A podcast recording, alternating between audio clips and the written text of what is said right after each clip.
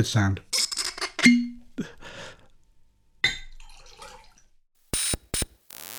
I live in Leicester, and just outside of Leicester, there is a small town called Anstey, and it was a place where Ned Ludd lived. He was a weaver. Well, some people think he never existed, actually.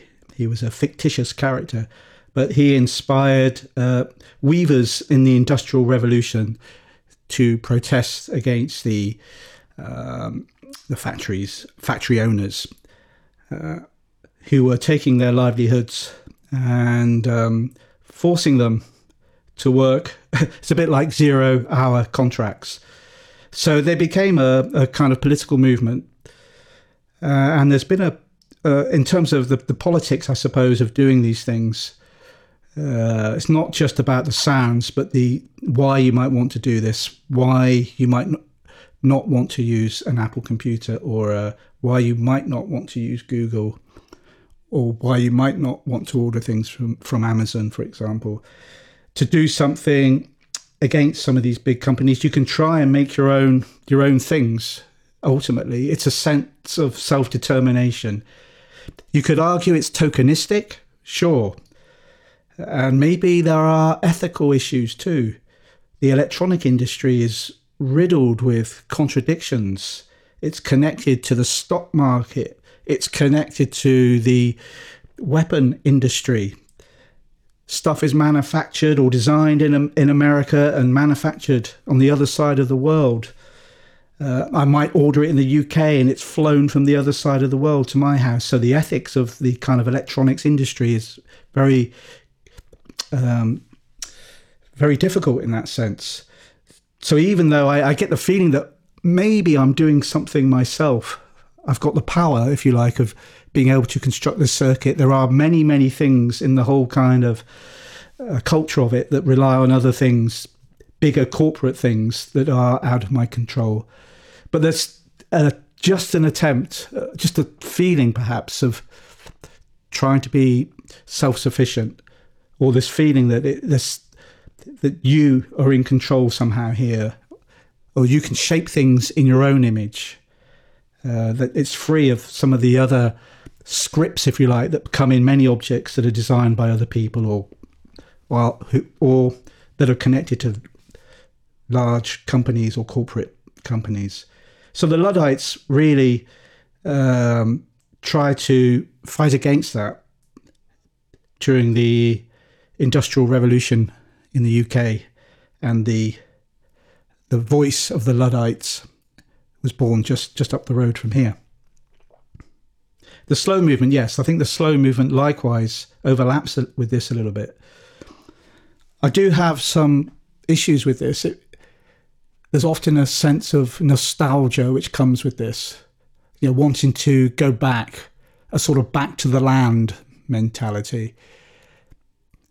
I also find it incredibly uh, fascinating to engage with some of the issues about transport now and how we are being encouraged to walk or cycle everywhere, and there's no trains and there's no buses. uh, so it's almost like going back 200 years to a time before some of these uh, high speed transport systems existed. And some people like that. There, there does feel like a, a nostalgia sometimes. I'm not particularly interested in the, the uh, nostalgia of it. For me, it gives more time to reflect actually and question some of these things. And as I mentioned, there's so many contradictions um, with this. So it doesn't really mean you're you're making it yourself because you're not actually. All the parts come from somewhere, and it's been sent, as I said, from a warehouse somewhere else, and uh, the sweatshops where people have made these things for pennies. So I can't in any way pretend to be ethical in what I do. I, I think that's uh, that would be disingenuous. If you're making it yourself, you've got a chance of failing. You, know, you can make something that doesn't work.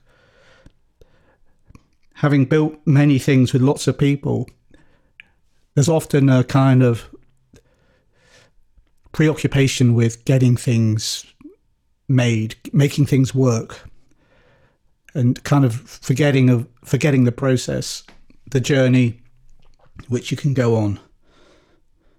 So trying to make things that aren't so kind of end product like, more about process. And I think the whole idea of making things also becomes like a form of analysis for me. We can think about what sort of sounds it might make or how it could lend itself to making some interesting music. And through the making process or engaging with the materials, um, it gives you time to contemplate some of those possibilities. Of course, you can do that. I can do that with my computer, but it, it gives a very different type of time and space to thinking about potential of something rather than necessarily going back in time to when we did everything by hand.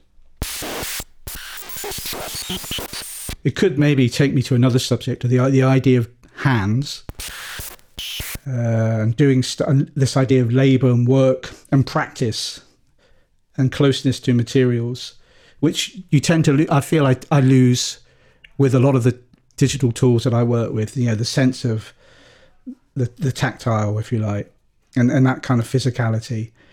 So a lot of the work I've done as dirty electronics is about that kind of physicality of materials, the physicality of other people, uh, and physical space as well. These are all re- really crucial things.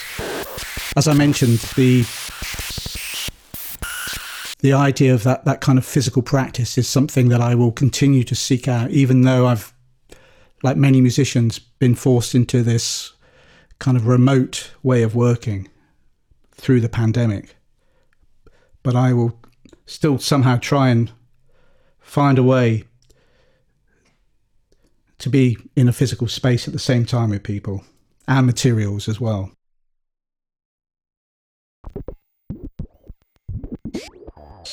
Under the moniker of Dirty Electronics, British musician and maker John Richards explores the crossroads between electronic circuit design and live performance, picking up the baton of David Tudor's tradition of composing inside electronics.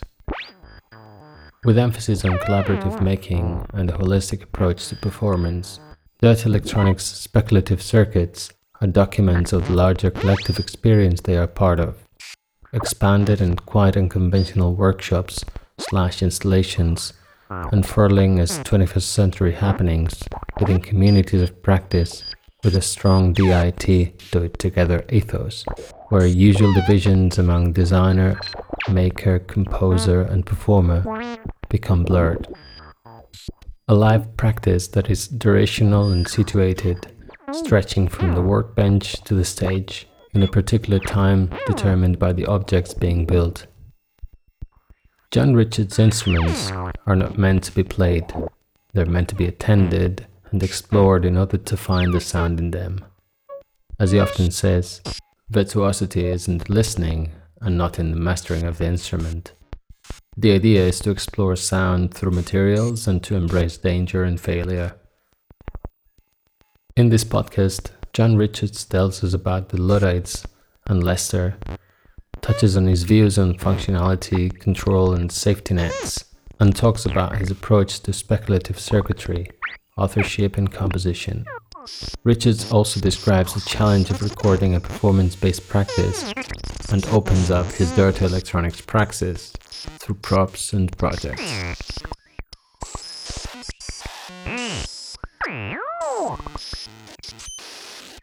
I like to design dysfunctionality. This is an important thing.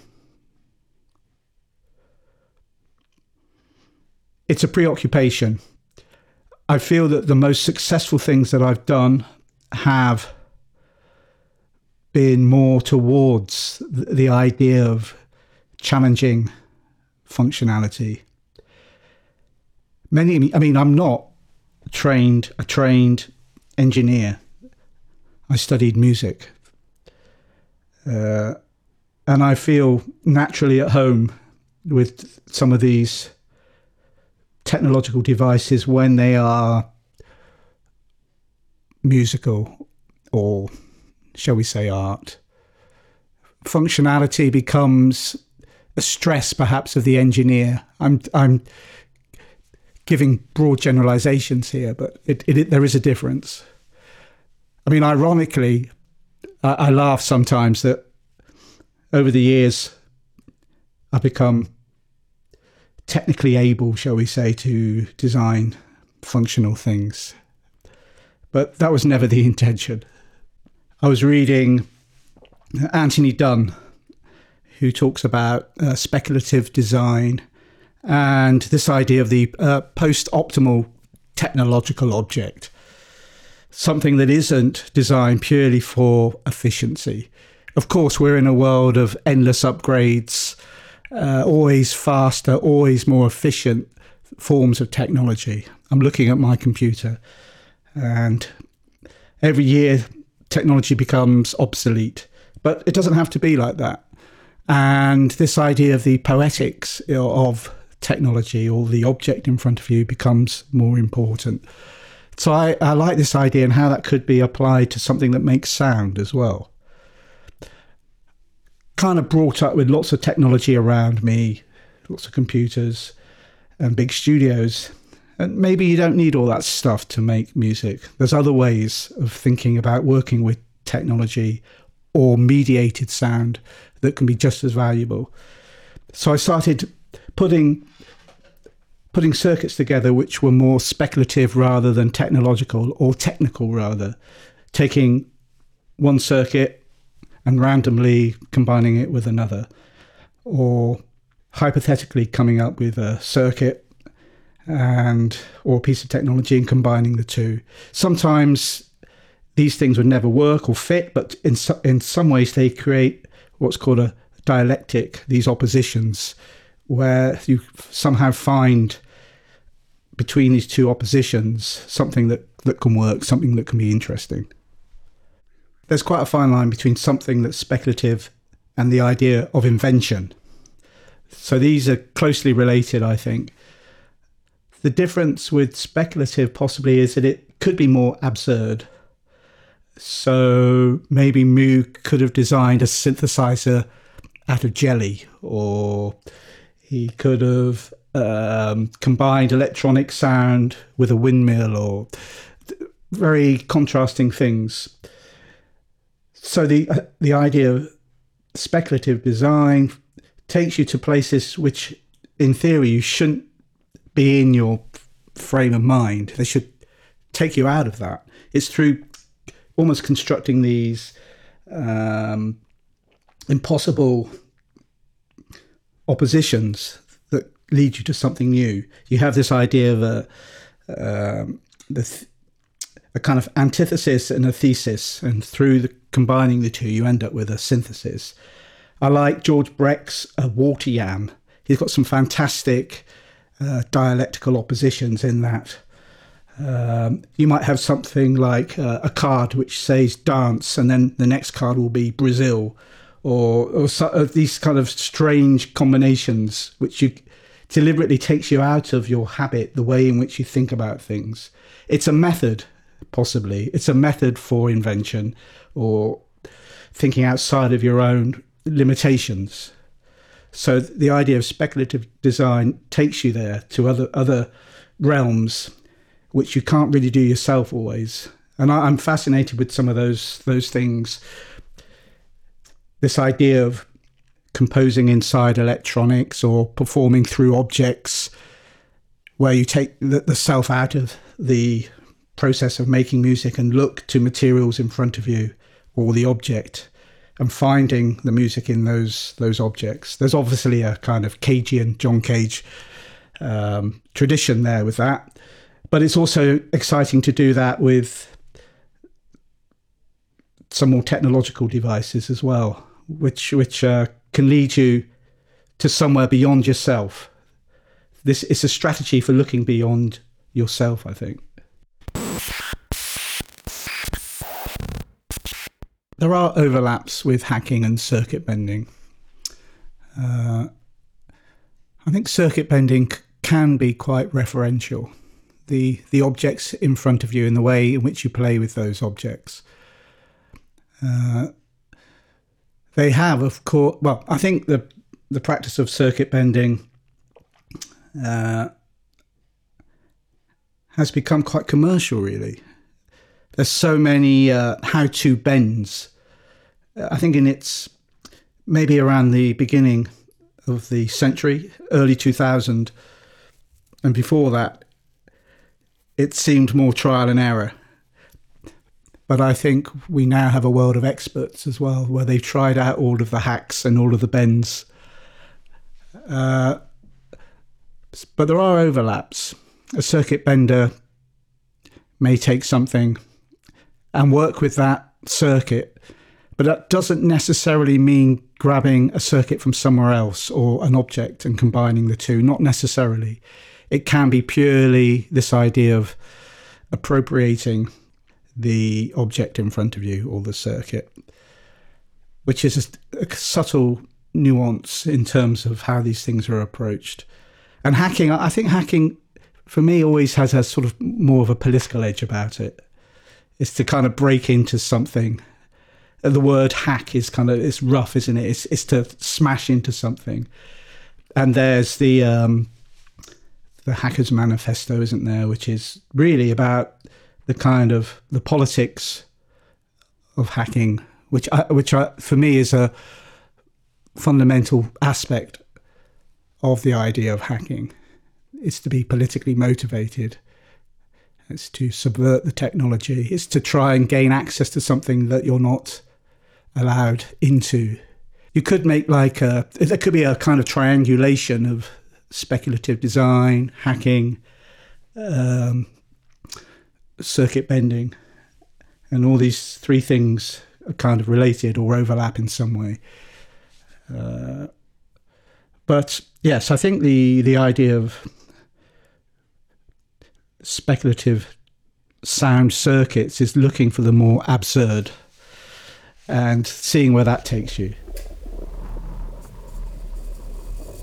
I'm just going to get a prop, which is in the in in my basement. One second, I'll be back.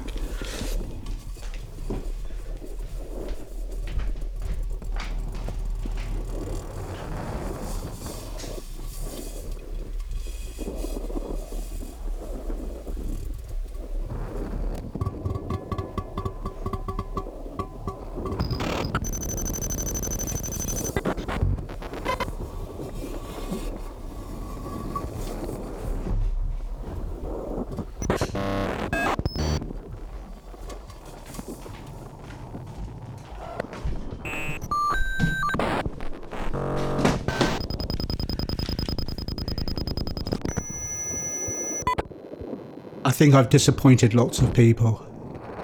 They buy something or they're interested in something and they find it's uncontrollable.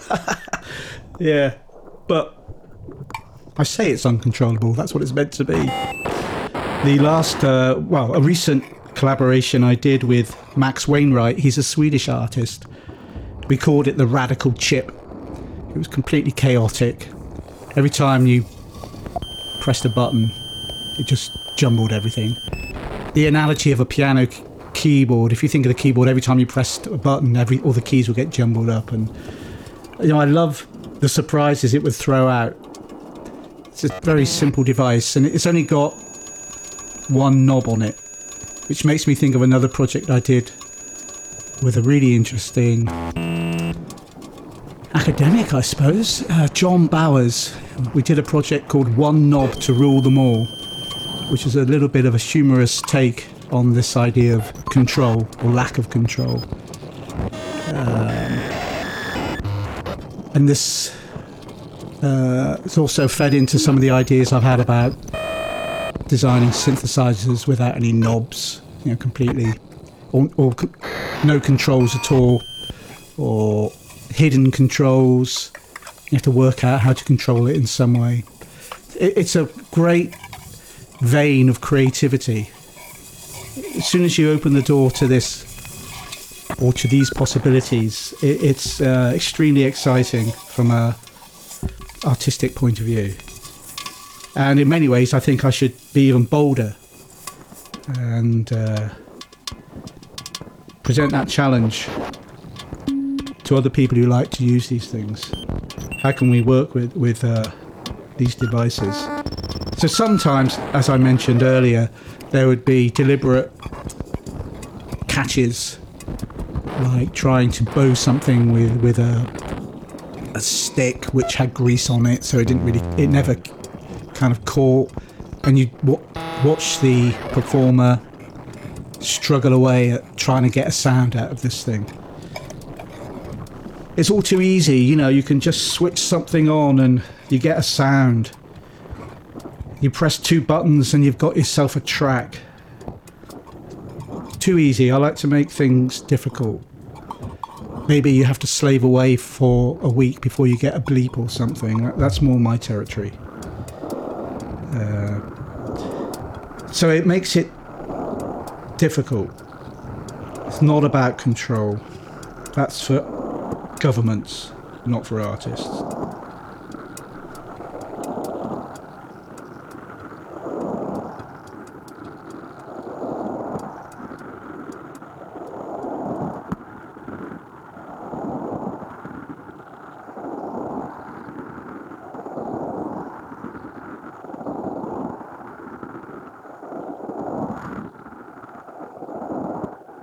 I'm being a bit the devil's advocate.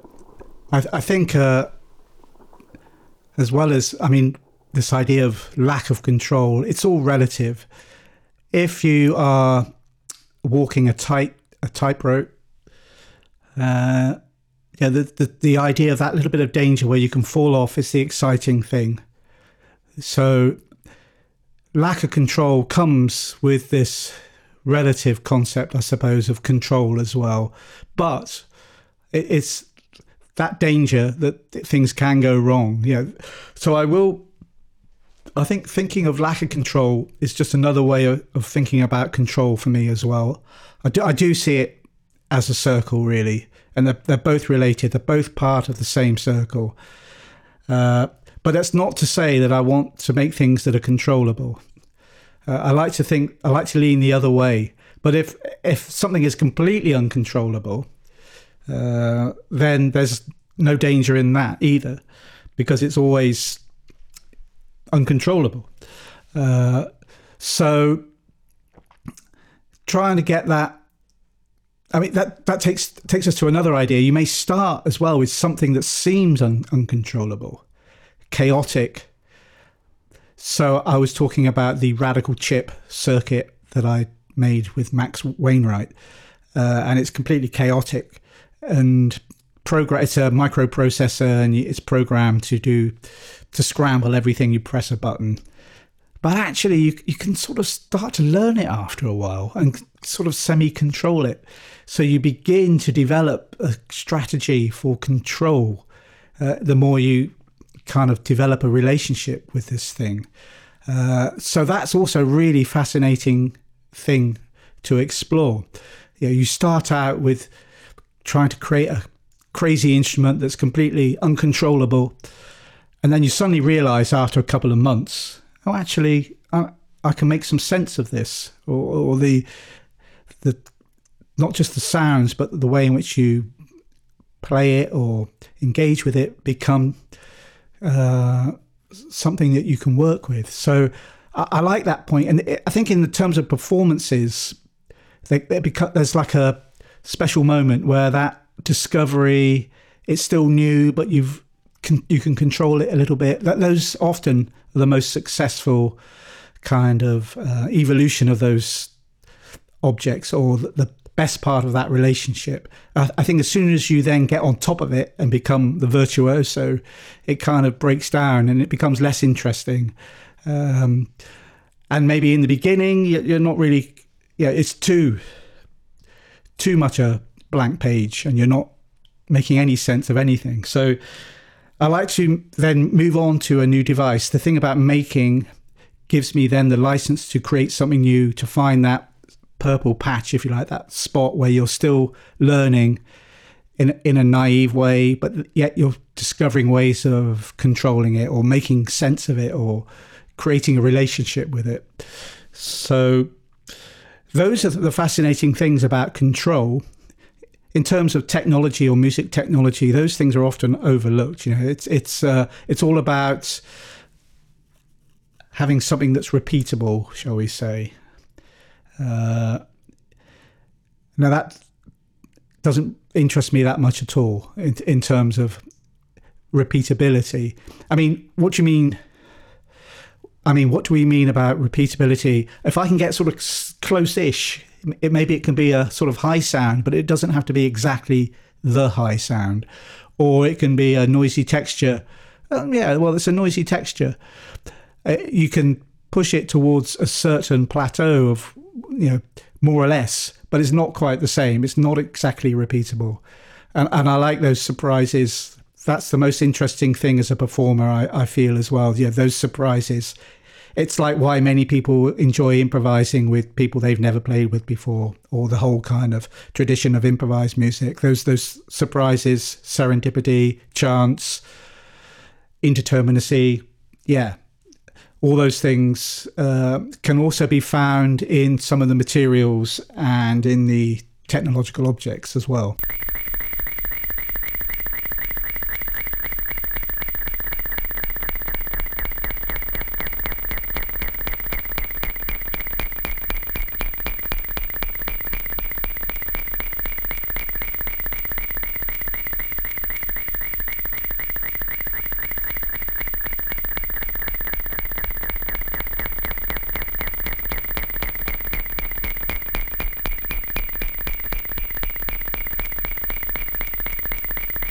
I recently did a tour with Tim Shaw. He's a sound artist uh, based, well, he's living in Switzerland at the moment, but we did a short arts council tour just before the lockdown. And we had a couple of suitcases full of stuff. We again, we didn't decide exactly what we were going to use uh, in the performances and we would make the setup off stage, mostly on the floor, spreading out across the floor, and each space, each performance space had yeah certain characteristics, so they were amplified or explored in the performance. Uh, but some of the more exciting things in terms of accidents were, were things that Tim did or things that would break or uh, so he had some balloons. Now this is a, quite a cliche, but one was right in front of me as, as I was leaning down, and he stamped on it. It was so it, I was completely not expecting this, uh, and it it kind of frightened me completely, and I knocked something over, and uh, so on a kind of human level, I think when you're playing with other performers in this in a kind of free way, it's always going to take you somewhere else. And I, so when people invite me to play solo, I normally decline that because it doesn't induce accidents enough or something beyond my control. When I'm performing solo, it's always in my remit to be in control. You could argue. It's it's trying to encourage kind of outside events that push me outside of myself. So the number one thing I still feel that it's so important, despite all the technology and the sounds and the uh, instruments, is the other player or the other artist next to you. Uh, and these these things really take, can take take you to a different place.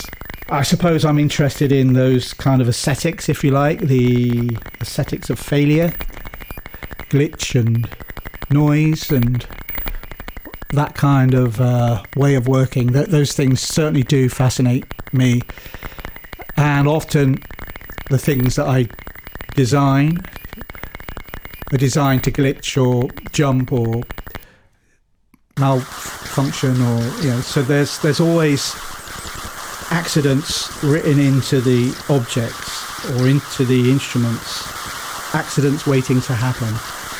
There's always a poetic thing that I like to think of in performances. And then the great challenge in the performance is to recover from these accidents. How can you get yourself out of trouble or how can you go with that? And that's really a kind of fundamental um, notion of performance to me, being in that position of complete uh, openness being lost. You know, you have to rely on instinct sometimes, come up with a solution. Uh, so accidents can help that enormously, and many technological devices or music technology don't. They, they give you too many safety nets. You know, I was re- uh, recently talking to a friend of mine, uh, and he was talking about. Well, he's developed this uh, system with CRTs and DIY homemade sound synths, but he wanted the sequencer, he said, to be completely reliable. Although his, ironically, his whole aesthetic was based around this uh, notion of things being unreliable.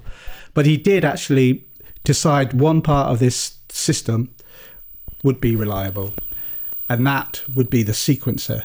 Now, that pretty much shows his interest in shall we say, dance music. It, you know, something that's got a, is consistent. That was an important aspect uh, of the music for him. But often I find these considerations to be simply safety nets which stop you from going to places where uh, you could go. And so having that kind of courage to take away some of these safety nets is also at the heart of working with these uh, instruments or objects that I build. So they don't have safety nets necessarily.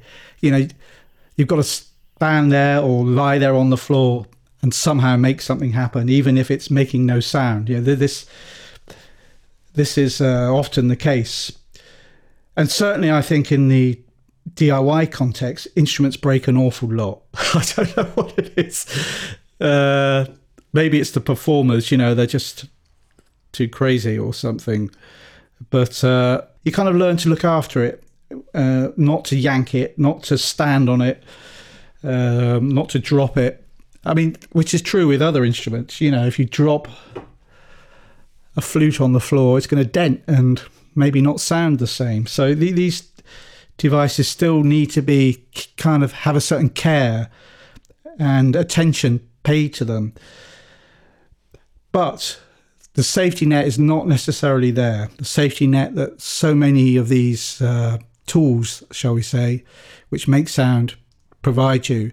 A tool like quantizing, for example, where it can put everything into a grid of time, or um, certain frequencies are controlled. Many of the devices I create make ridiculous frequencies in the high register or in the low register. Yeah, yeah, it's a it's a sound technician's nightmare when I turn up with some of these devices. Their PA is in shreds at the end of it, but uh, yeah, there's no limiting in that sense. It's it's it's raw. The sound is raw. Things can break. Accidents can happen. Sometimes a performance only lasts 10 minutes because everything breaks, and maybe that's the end of the performance. Uh, I did some work with Chris Hobbs. He was one of the founder members of the Scratch Orchestra and also in the group AMM. And he would always say, well, you know, if everything fucks up and stops after 10 minutes, you just try and do it again. You know, it doesn't matter if uh, the concert is programmed for 30 minutes. You can always then say, okay, well, that, that broke. Let's try something else. And I, I think just I think once you've been thrown in the deep end, as we say, you're kind of liberated. It's a very cathartic kind of feeling performance for me uh, to kind of not be scared of doing things. I think in everyday life, I'm much more scared of things and much more conventional. You know, you sometimes try to fit in, fit into society. But when it comes to music, somehow, and performance, I, I feel that it doesn't matter there for some reason, I find it liberating. Uh, I can I can do different things in that time and that space. And so the last thing uh, yeah, I want to do is impose some kind of control and restrictions on the things I do in that space, in that special m- music space or that special performance time and space. And surely that's a time to do something different again, one of the reasons I stopped using computers in performance was because I was using a computer in my everyday surroundings. I was get a, getting up in the morning, checking my email, watching telly, or streaming some kind of thing online. And it took away a kind of special moment, which is really important in performance the idea of ritual or something outside of the everyday. So some of these objects take me to that time, to that space, away from the everyday. Some kind of novelty is needed. Uh, and sometimes the laptop, for example, is too ubiquitous and it's too dominant in the rest of my life.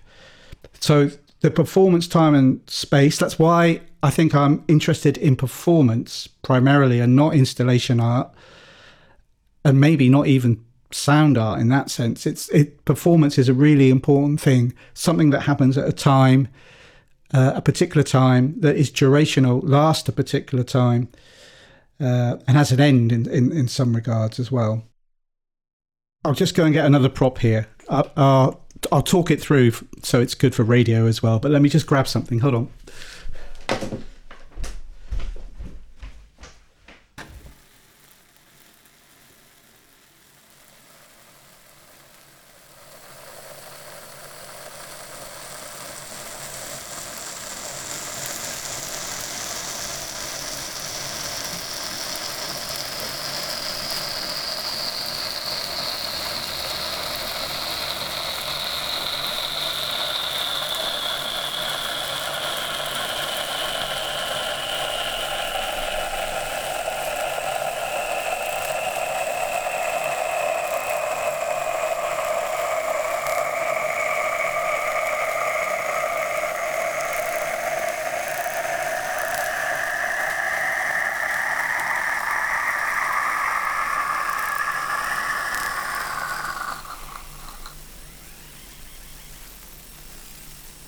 So this is an interesting object.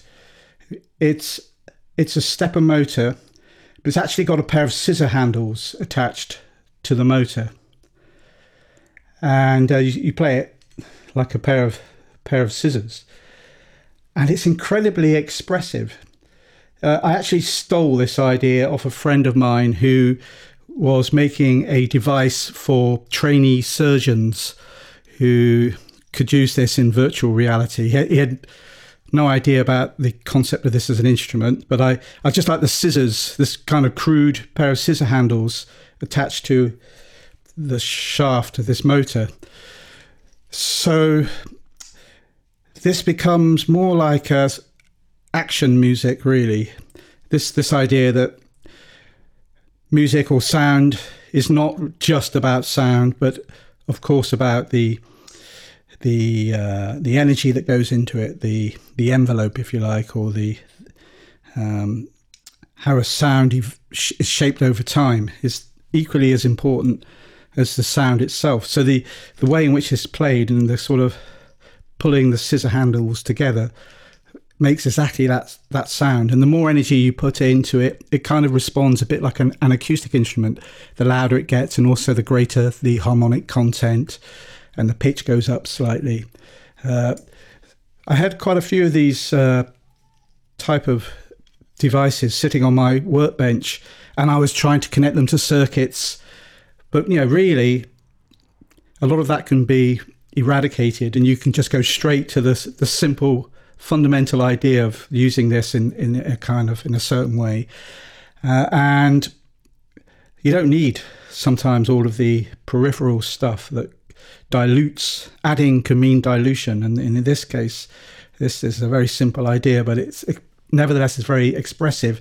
But the object itself has lent itself to some interesting performance, and uh, this this idea that the object tells you how to play it in a certain way. This idea of affordance. So, like a hammer, you see a hammer, you can pick it up and you hit a nail or you hit something with it. And in the case of a pair of scissors, you know, you, you grab the scissors and you move the mechanism um, apart and towards you. Uh, so it tells you somehow how to play it and can, cre- can create uh, some kind of idea of how you might do something over time in, in terms of performance as well. Uh, another example.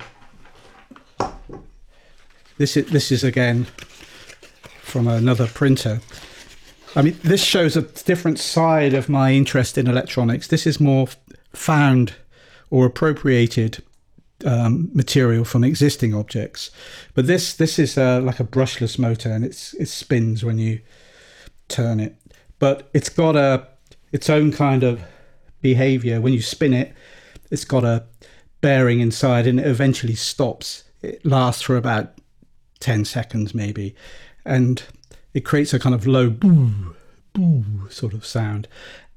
And you can you can continue continually rotate this uh, brushless motor and it will create a kind of deep woo, woo, woo, woo, woo, woo. but if you just spin it it stops of its own accord. So again you're you're finding you're finding performance through the objects which is something i'm fascinated with and something i'm drawn to as a performer. And each of these types of objects, you can combine them, you can create large group pieces with them, and a performer can discover ways in which you may play it, as well as being dictated, if you like, by the thing itself, the object in, in your hands.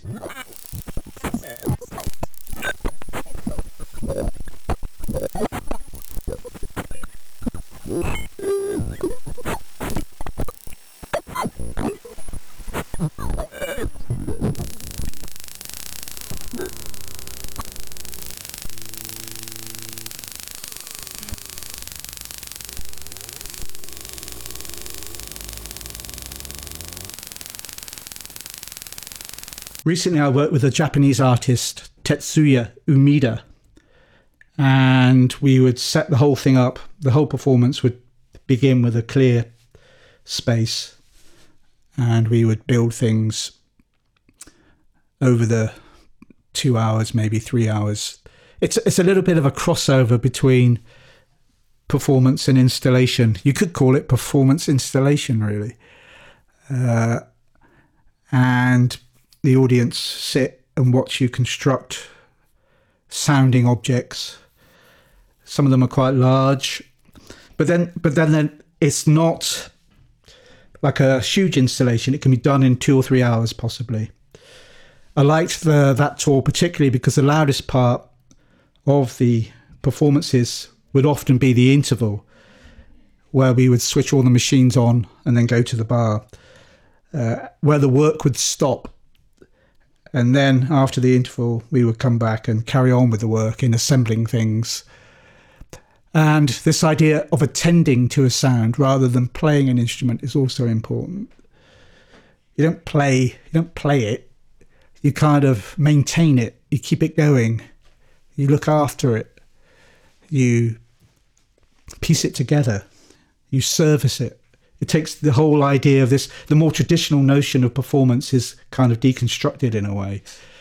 Uh, Tetsuya would often say, "No, no, no, too much performance, too melodramatic, too too performance," uh, and the the making, if you like, became ways of structuring the performances, or how you would shape things over time.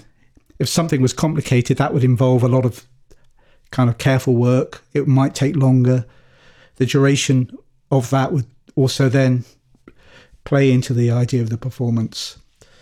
Uh, so that was a really interesting tour, which we did in the UK, I think a couple of years ago, and I've continued to do those those kind of things. Uh, a lot of this has come out of purely practicalities. If you get involved in this process of making things, uh, one of the challenges was how to present that. I think it's true with lots of process based music. You either want to make the process uh, overt, understandable, or maybe you want to hide the process. But in, in my case, I was interested in making the process more discernible. And if the making, making these things with lots of people is part of the process which carries on into the music, then somehow that needs to be uh, shown in performance as well. And I, I, I think over time started to just bring these things together more. It wasn't intentional in, in the beginning, but it became obvious that these two things had to be more holistic and they had to work together. So sometimes I would be asked to do a gig in a more traditional sense on a stage, and that always felt out of place, not quite right. Uh, and then sometimes festivals would ask for some kind of workshop that would happen before some kind of performance. And in lots of the traditional music type festivals, you'd you'd feel a little bit schizophrenic, kind of not really sort of set up to play on stage and not really set up to do kind of uh, more durational projects. So over over time, I've been more uh, sure of presenting the work in a more holistic fashion. So let's say it's going to take a day, it's going to take three days, or it's going to take a week. And, and that approach has evolved in my work over the last 20, 20 years, really. Um, so, where, how can we discuss this further? Uh, I think to the point now where audience, the audience, if there is an audience, or attendees can watch also the making of things, building of circuits, devising performance. That becomes also something that can be viewed or listened to. So there is no kind of end end result in the kind of on stage or playing at once. That that interests me less and less.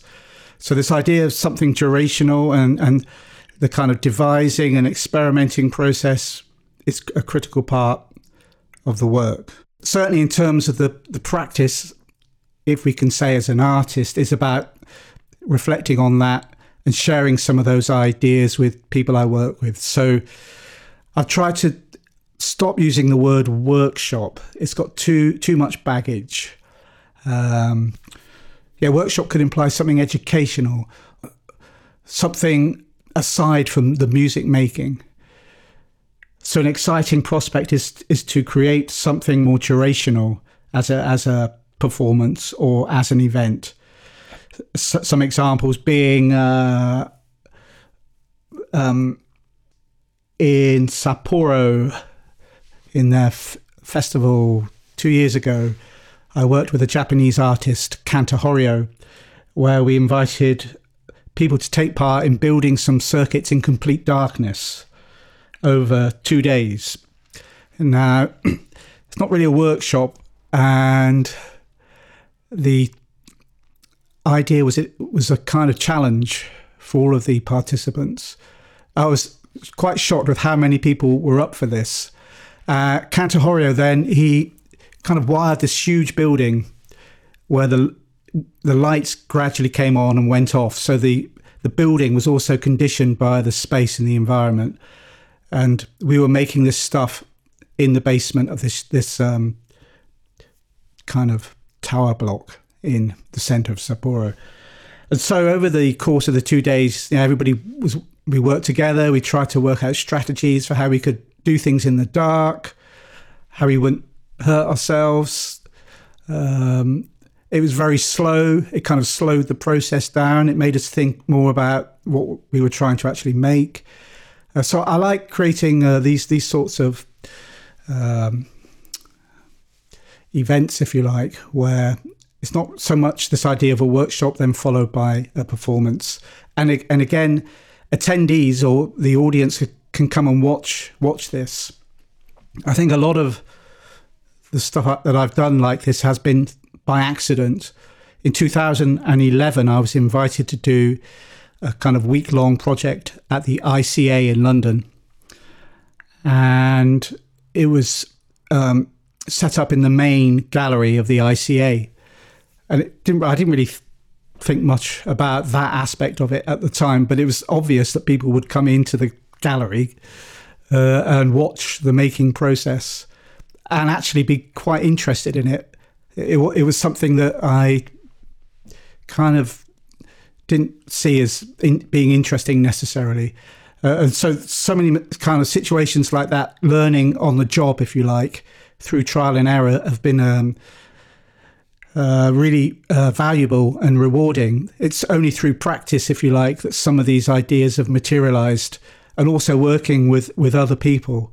You know, I'm a firm believer in this idea of sort of collective intelligence, where if you're working with other people, or this idea of communities of practice, we can join forces, and through that, people throw in ideas and possibilities arise directly out of the practice.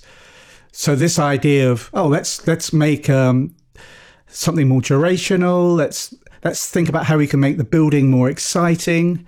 Uh, how we can make the construction of circuits a kind of like theatre in a in a way uh, has been, uh, I suppose, a, a, part of my work that's evolved over the last 10, 10 years. It wasn't there possibly in the in the early early part of my career, but certainly in the last 10 years, this is something I've become also fascinated with.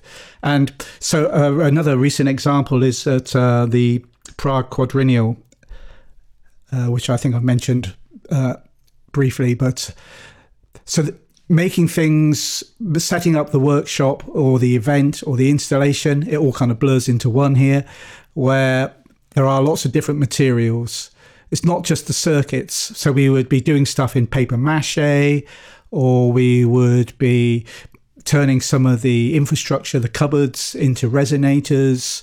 We had some circuit making, we had some plastic tubes, a, a number of different materials that create, I suppose, like a, a, living installation in many ways. Things that were, were vibrating, uh, oscilloscopes, and the more I've kind of worked on this, you, you kind of, you're not just thinking about the end sound, you're thinking about, oh, what kind of actions will happen in this event when people build things. So if they pick up a hammer, well, that's kind of dynamic, that's dangerous. They're going to be active, they're going to move, which is a very different action and activity to soldering a circuit. So then all these types of activity scream out, come on, make me durational. This work can last over one day, two days, three days. Uh, and the whole process can be revealed.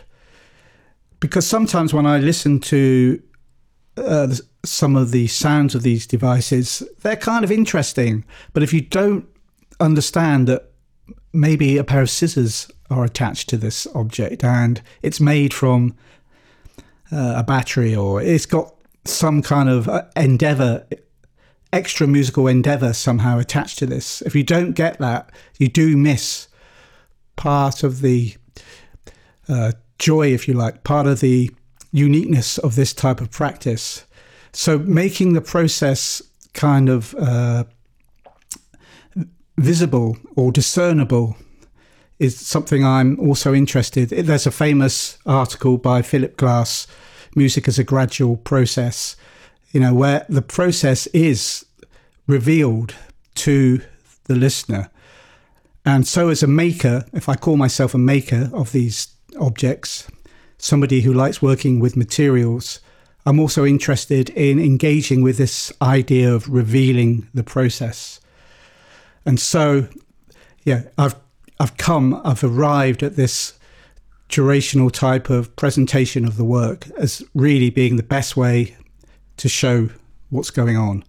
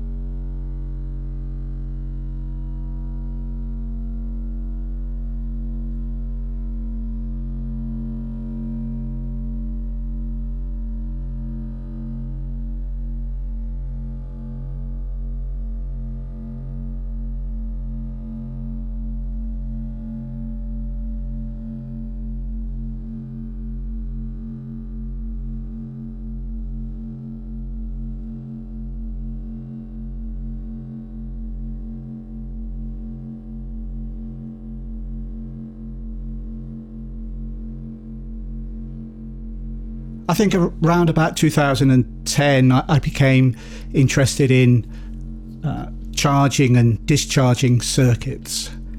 Maybe it's a kind of period in in my uh, output that I focused on, and I liked this idea of capturing raw energy and then seeing how energy changes over time. So very simple things in electronics. The capacitor is a, a great way of holding on to a source of energy. So you can charge up a capacitor and then the capacitor can discharge. It's a little bit like a temporary battery. And I liked thinking about how something like a power supply could be considered instrumental or how power or energy can shape a sound directly. Of course, in the acoustic world, we know th- we know that if we blow harder into a wind instrument, we get more harmonics. It gets a little bit louder. Or if we bow a violin, likewise, there's a direct correlation between energy and the, if you like, the intensity of a sound.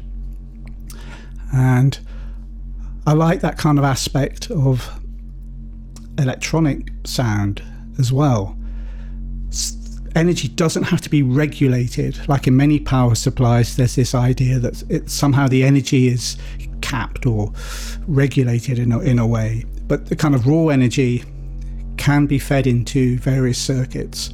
And naturally, I, use the word naturally, we do have um, corresponding sound. So cr- trying to create these sorts of power inputs into circuits which are raw much more um, unregulated was a very exciting prospect. And a whole series of pieces around motors, which I called motor music. Some of them generated current, uh, uh, some of them were used, uh, like I said, with simply a jack socket put on the end of them and stuck directly into a mixing desk. But but the ones that generated current, they could be turned the motors in lots of interesting ways. So by attaching a ribbon uh, or a rope around the shaft of a motor, and that could be bowed and pulled, or the shaft could be rubbed along the floor, or I thought about this idea of a stick which was covered in grease, so you couldn't actually um, bow the motor it became a dysfunctional bow, this idea of slippery bows, which I've talked about, uh, and a struggle to just try and get this shaft of this motor to turn. Or you could twist it with your fingers, so many different ways in which you could interact with this object and this turning mechanism. I've been working with an illustrator, Natalie Kay-Thatcher. She's done some wonderful illustrations of some, well, I won't call them scores, they're more instructions, perhaps an event score, if you like, or description of some of the circuits that I've explored. And she's just done this week a, a wonderful illustration of the piece Motor Music, which shows the, the, inside of a motor and this idea of raw energy and uh, sine waves coming out of it in different waveforms. Uh, so, this rudimentary thing of a motor, shall we say, but how you can then turn the turn a shaft in lots of different ways, and that in its own right then becomes not just about the sound but about the action as well. George Brecht, the uh, Fluxus artist, talked about the ready-made action.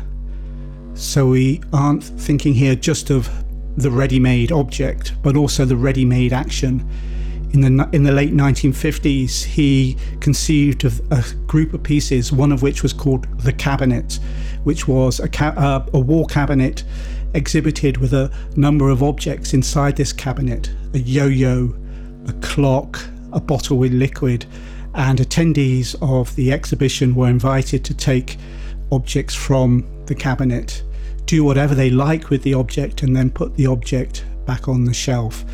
He called this a ready made action. In the objects, there was some kind of affordance or some kind of script, if you like, in terms of how we might engage with this object. So these, it's more than just gesture, which is a, thing that's often commonly talked about in terms of music and music technology and how you might map a gesture. But here, in this instance, the object has a ready made action associated with it. And that fascinated me how that could also apply to a number of different objects. They have ready made actions. So you could think of it's a music of action rather than uh, thinking purely from the first point of sound. Think about the action first and the sound as a result of the action rather than thinking of, I want to create a sound. So lots of the uh, the ideas that I've been working on over the last few years have been based on this idea of the ready-made action and working with actions.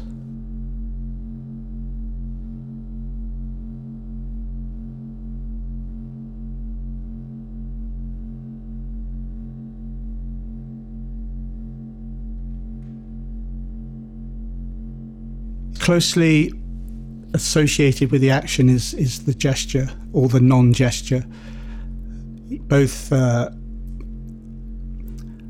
are music fundamentals for me that I think of the, the action and I think of the gesture and the sound is a consequence of those two.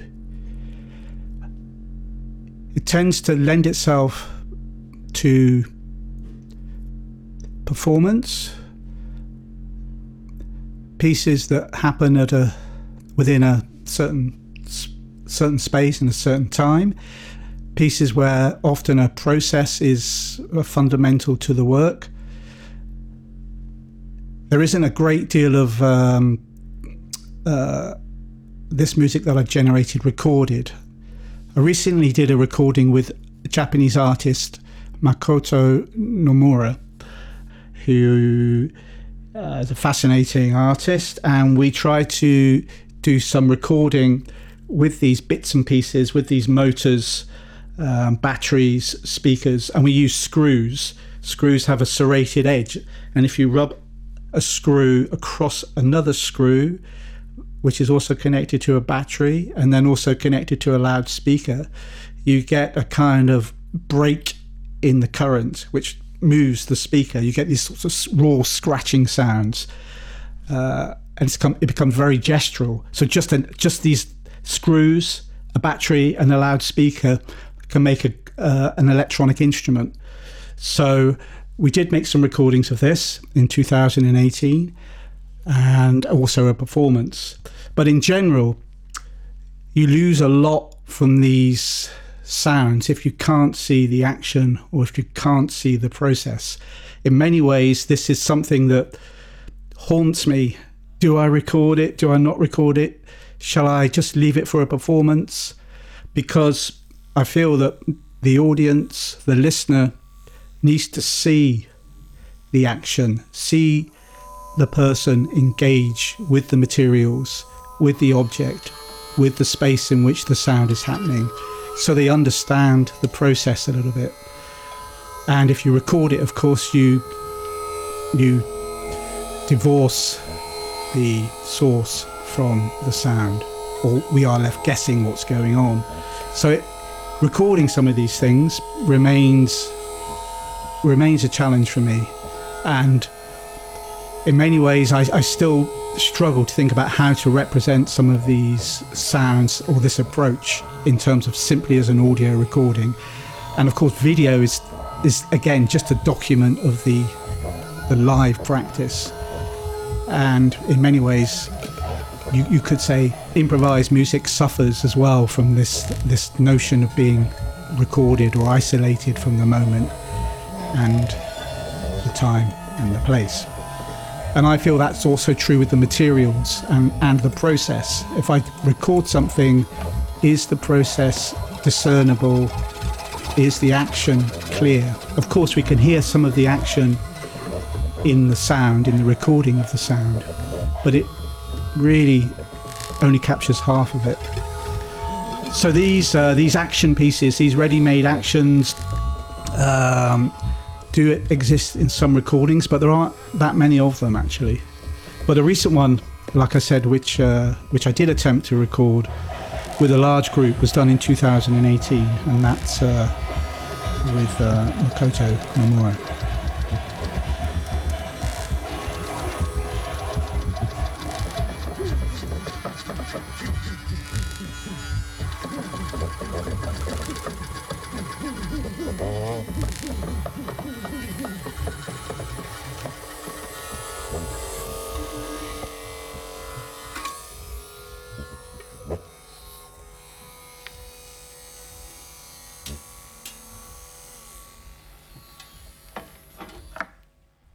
So, again, I think a couple of years ago, I was invited to do a, a work with Czech Radio. And as I've discussed, you know, this idea of taking away the visual stimuli from a performance or recording something and then playing it back over loudspeakers or making a radio program is kind of problematic for someone who's uh, primarily interested in performance and revealing process to an audience in a certain moment at a certain time. But the challenge, nevertheless, was something I, I wanted to embrace. And radio, I mean, I love, I love the media. Yeah, it's a fantastic uh, space to occupy in terms of sound. So, rather foolishly, I accepted the invitation. But the producer also tried to talk about developing more than just a sound piece, but also some kind of dramaturgy, if you like, which would help reveal the process process of making. So inst- instead of the visual cues, text was used, readings. Um, certain pieces were also written especially for for the program. So uh, that that was a really exciting project with Tim Shaw, we, we're also doing some radio recordings. We're planning to do some for the BBC coming up as well, where we will be confronted with similar challenges about how to present some of the stuff, which is very visual, uh, very process driven, but just for radio. So, working in that, that instance, it, uh, it, involved inviting a number of artists, some I'd worked with before, some, some people I'd never met before. Uh, so, it was a mixture of people. Um, one particular artist, Johana Ožvold. She's uh, also a film director who I recently worked with um, on the film The Sound is Innocent, that's been shown in various uh, venues and cinemas across Europe, which was also shown at the next festival actually in Bratislava. In fact, that film was shot in the TV and radio building in Bratislava. Uh, I, I, digress here, but it's a, it's a it's a similar theme here where I was invited to recreate that scene from that film in the radio building in Bratislava in the in the basement. That actual piece for the film was more like a conceptual workshop. It, we didn't actually we did make stuff.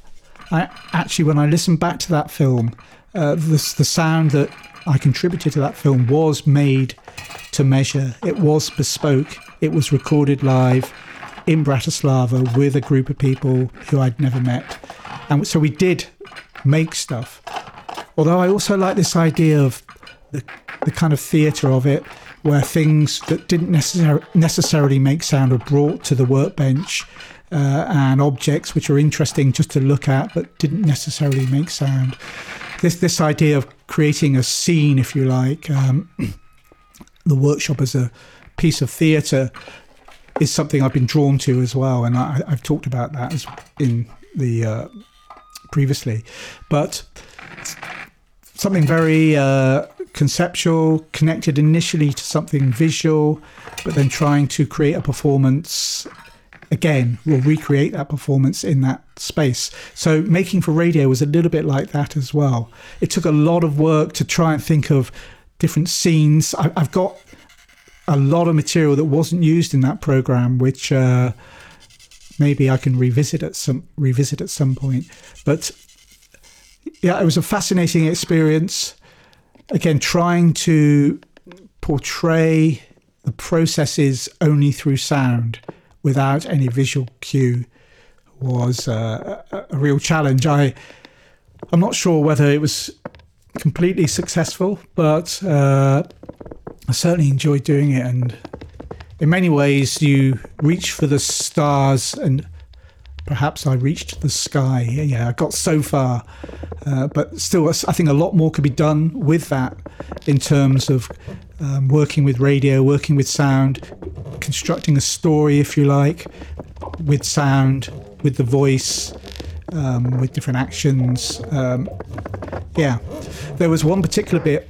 Sam Topley, she she she likes making pom poms, big pom poms, crocheting, uh, and we had um, some great microphones in the Czech radio, and we had all these cardboard box loudspeakers, and you couldn't really capture this idea of the materials that she was working on radio, but we attached sort of uh, wool uh, to all of these speakers that were hung from stands. And as she was kind of knitting, each of the speakers were moving and moving around the microphones as she knitted uh, and getting a slightly different sound based on the movement that she was also doing. So even though that was kind of abstracted, nevertheless, the process of her knitting and her materials somehow came across in the recording, even though it wasn't um, uh, obvious to some of the listeners. The process was covert in that particular um, example.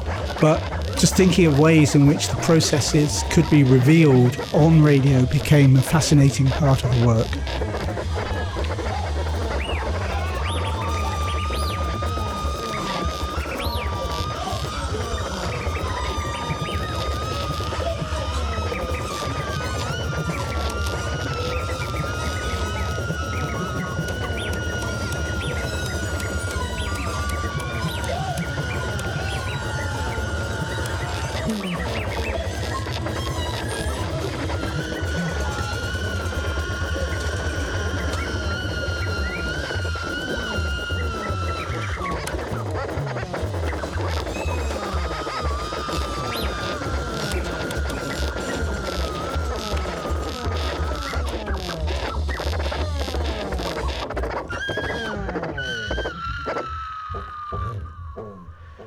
Another aspect of the work I've been doing is thinking how you might disseminate a musical idea other than recording a sound.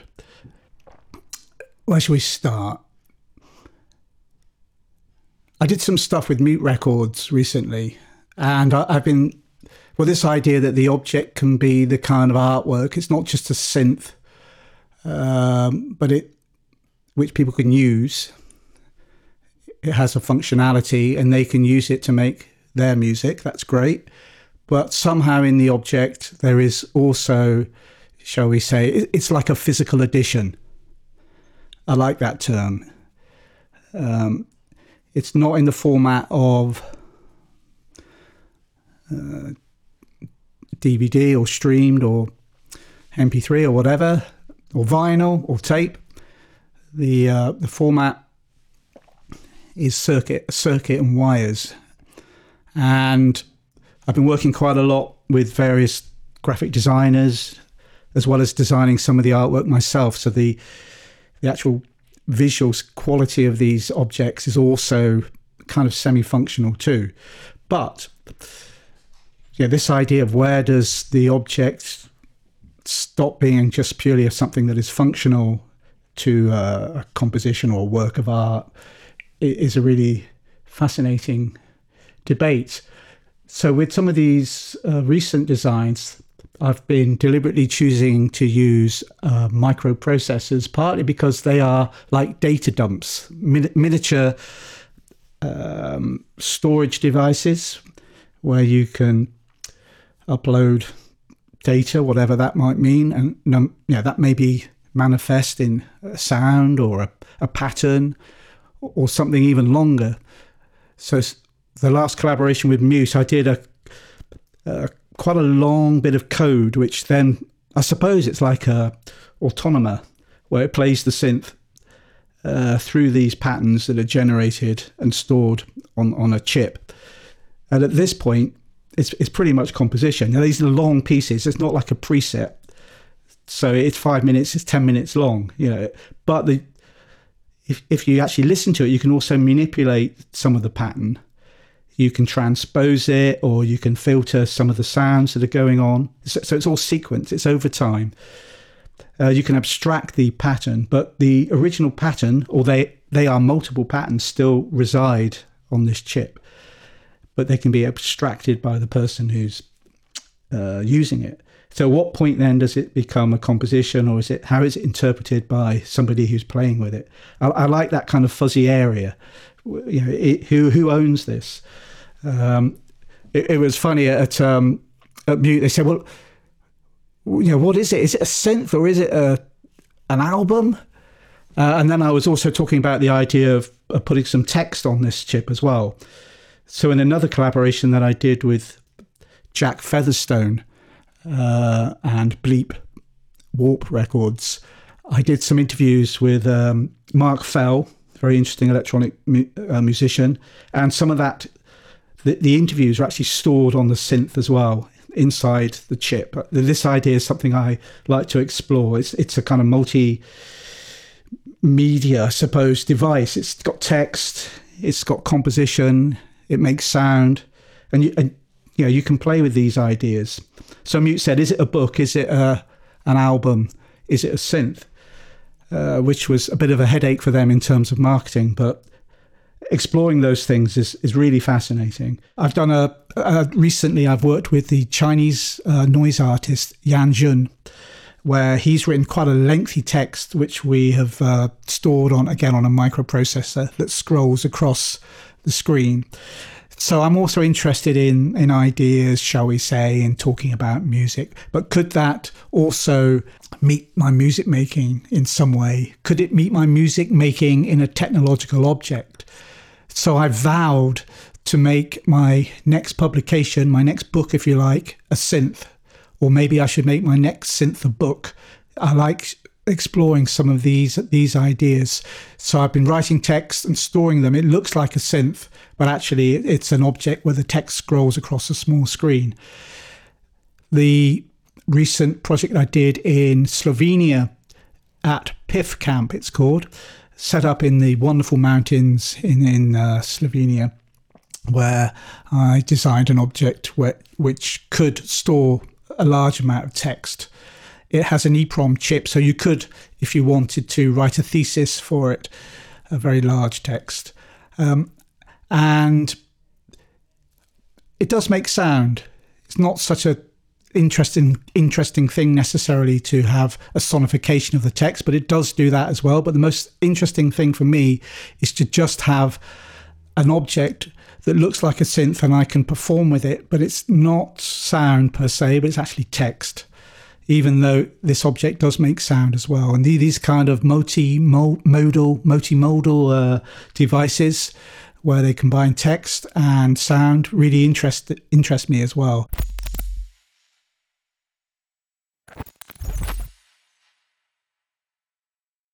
Of course, I, I don't actually have those things registered with the uh, royalty organisation in the UK. Maybe I should. But that takes us to a, this other idea about the circuit and whether there's a copyright in a circuit. And I think actually in America, a circuit is not necessarily protected by copyright. Whereas in the UK, there was a law passed in the 1980s which did allow for some electronic circuits to be copywritten. Uh, I think in the case of the um, the test case in the UK, the the judge said that the the circuit was something that should be read, or shall I say, schematic should be something something that should be read or could be read. Therefore, under this idea of literature, it was um, copyrightable. So, in the UK, yeah, maybe you could say that circuit's yours. Uh, in in America, maybe it's more problematic. I also looked at a test case in Taiwan where they also failed to um, protect uh, copyright some circuitry as well. And there's been a couple of test cases like uh, Mackie and Behringer, where Behringer copied a Mackie mixer, but the, the circuit was identical, but it wasn't protected by copyright. And the general, I think the world of DIY kind of electronic music culture really is about appropriate, appropriating any circuit you can find. So you see a lot of circuits that uh, recur time and time again and the schematics and how they're shared around and how they're borrowed without really any copyright protection at all. There's also another case of a circuit used in the Korg MS20, I think it is, the filter circuit. And that's been used by so many people in different synth projects. And it's kind of like shareware almost. But of course, it's somebody's work at some point. So even at that kind of level, particularly if, if you're thinking about a circuit as an artwork, as you might do in the case of somebody like David Tudor, who did some amazing circuits. And some of these are kept at the Getty um, Museum in New York. Uh, but those circuits, maybe the actual artwork themselves are copywritten, but the functionality or, or uh, appropriating them has been, ton- has been done time and time again by lots of different people. So it's a very grey area, this idea of uh, copyright.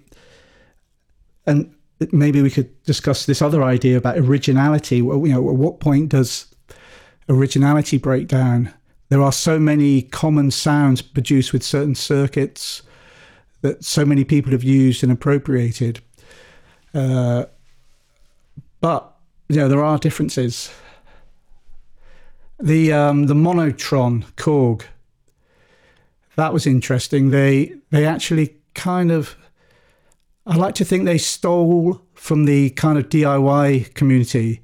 They wanted to make something that appealed to the DIY community and they made it where you could actually hack it and they annotated the circuit board and you could get at it. So that, that was quite a quite a step forward in, in many ways. It's not always the the hacker getting at the big boys. You know, sometimes the big boys are copying us. I think there was a friend of mine was talking about mutable instruments and how uh,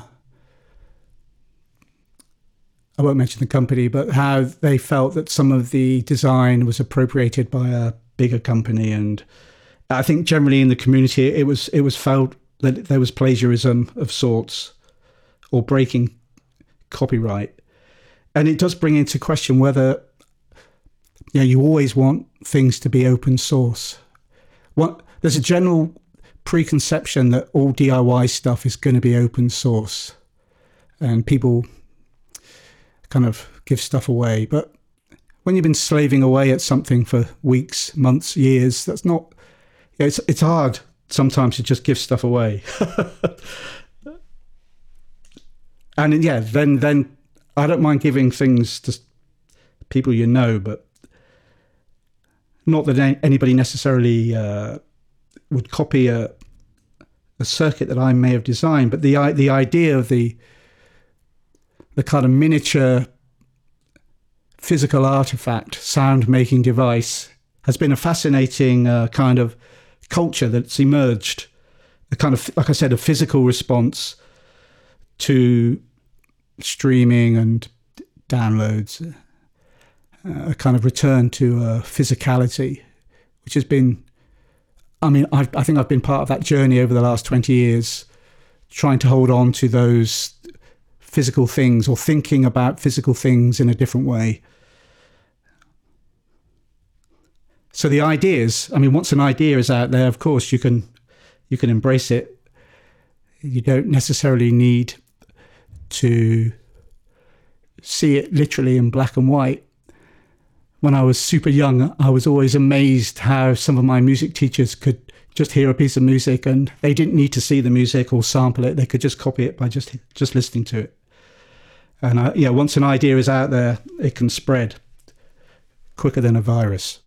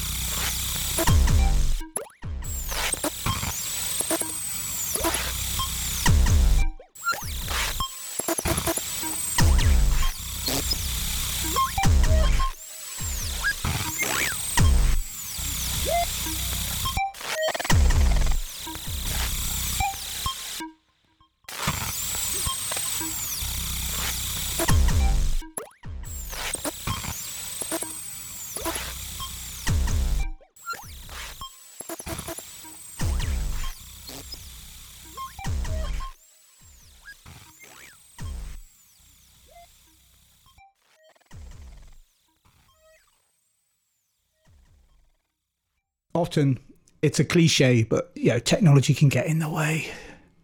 Uh, and if you can limit limit your the kind of scope of the the tools, you can come to other ideas as well quickly in a freer way. So the temptation is to add more it's a kind of minimalism, really. Kind of a bit zen. Look again and listen again to to the small things, the things that you didn't notice the first time. So I, I like making electronic music like that, and and the tools also uh, are part of that part of that process. So it is a kind of rejection of some of the some things that I don't understand. I mean, this computer in front of me, I don't really understand it. It's amazing, but you know, there's so many things going on. Even with this bit of wood and this microprocessor, it's it's quite mind-boggling. It's kind of crazy. That's a computer in there. It's tiny.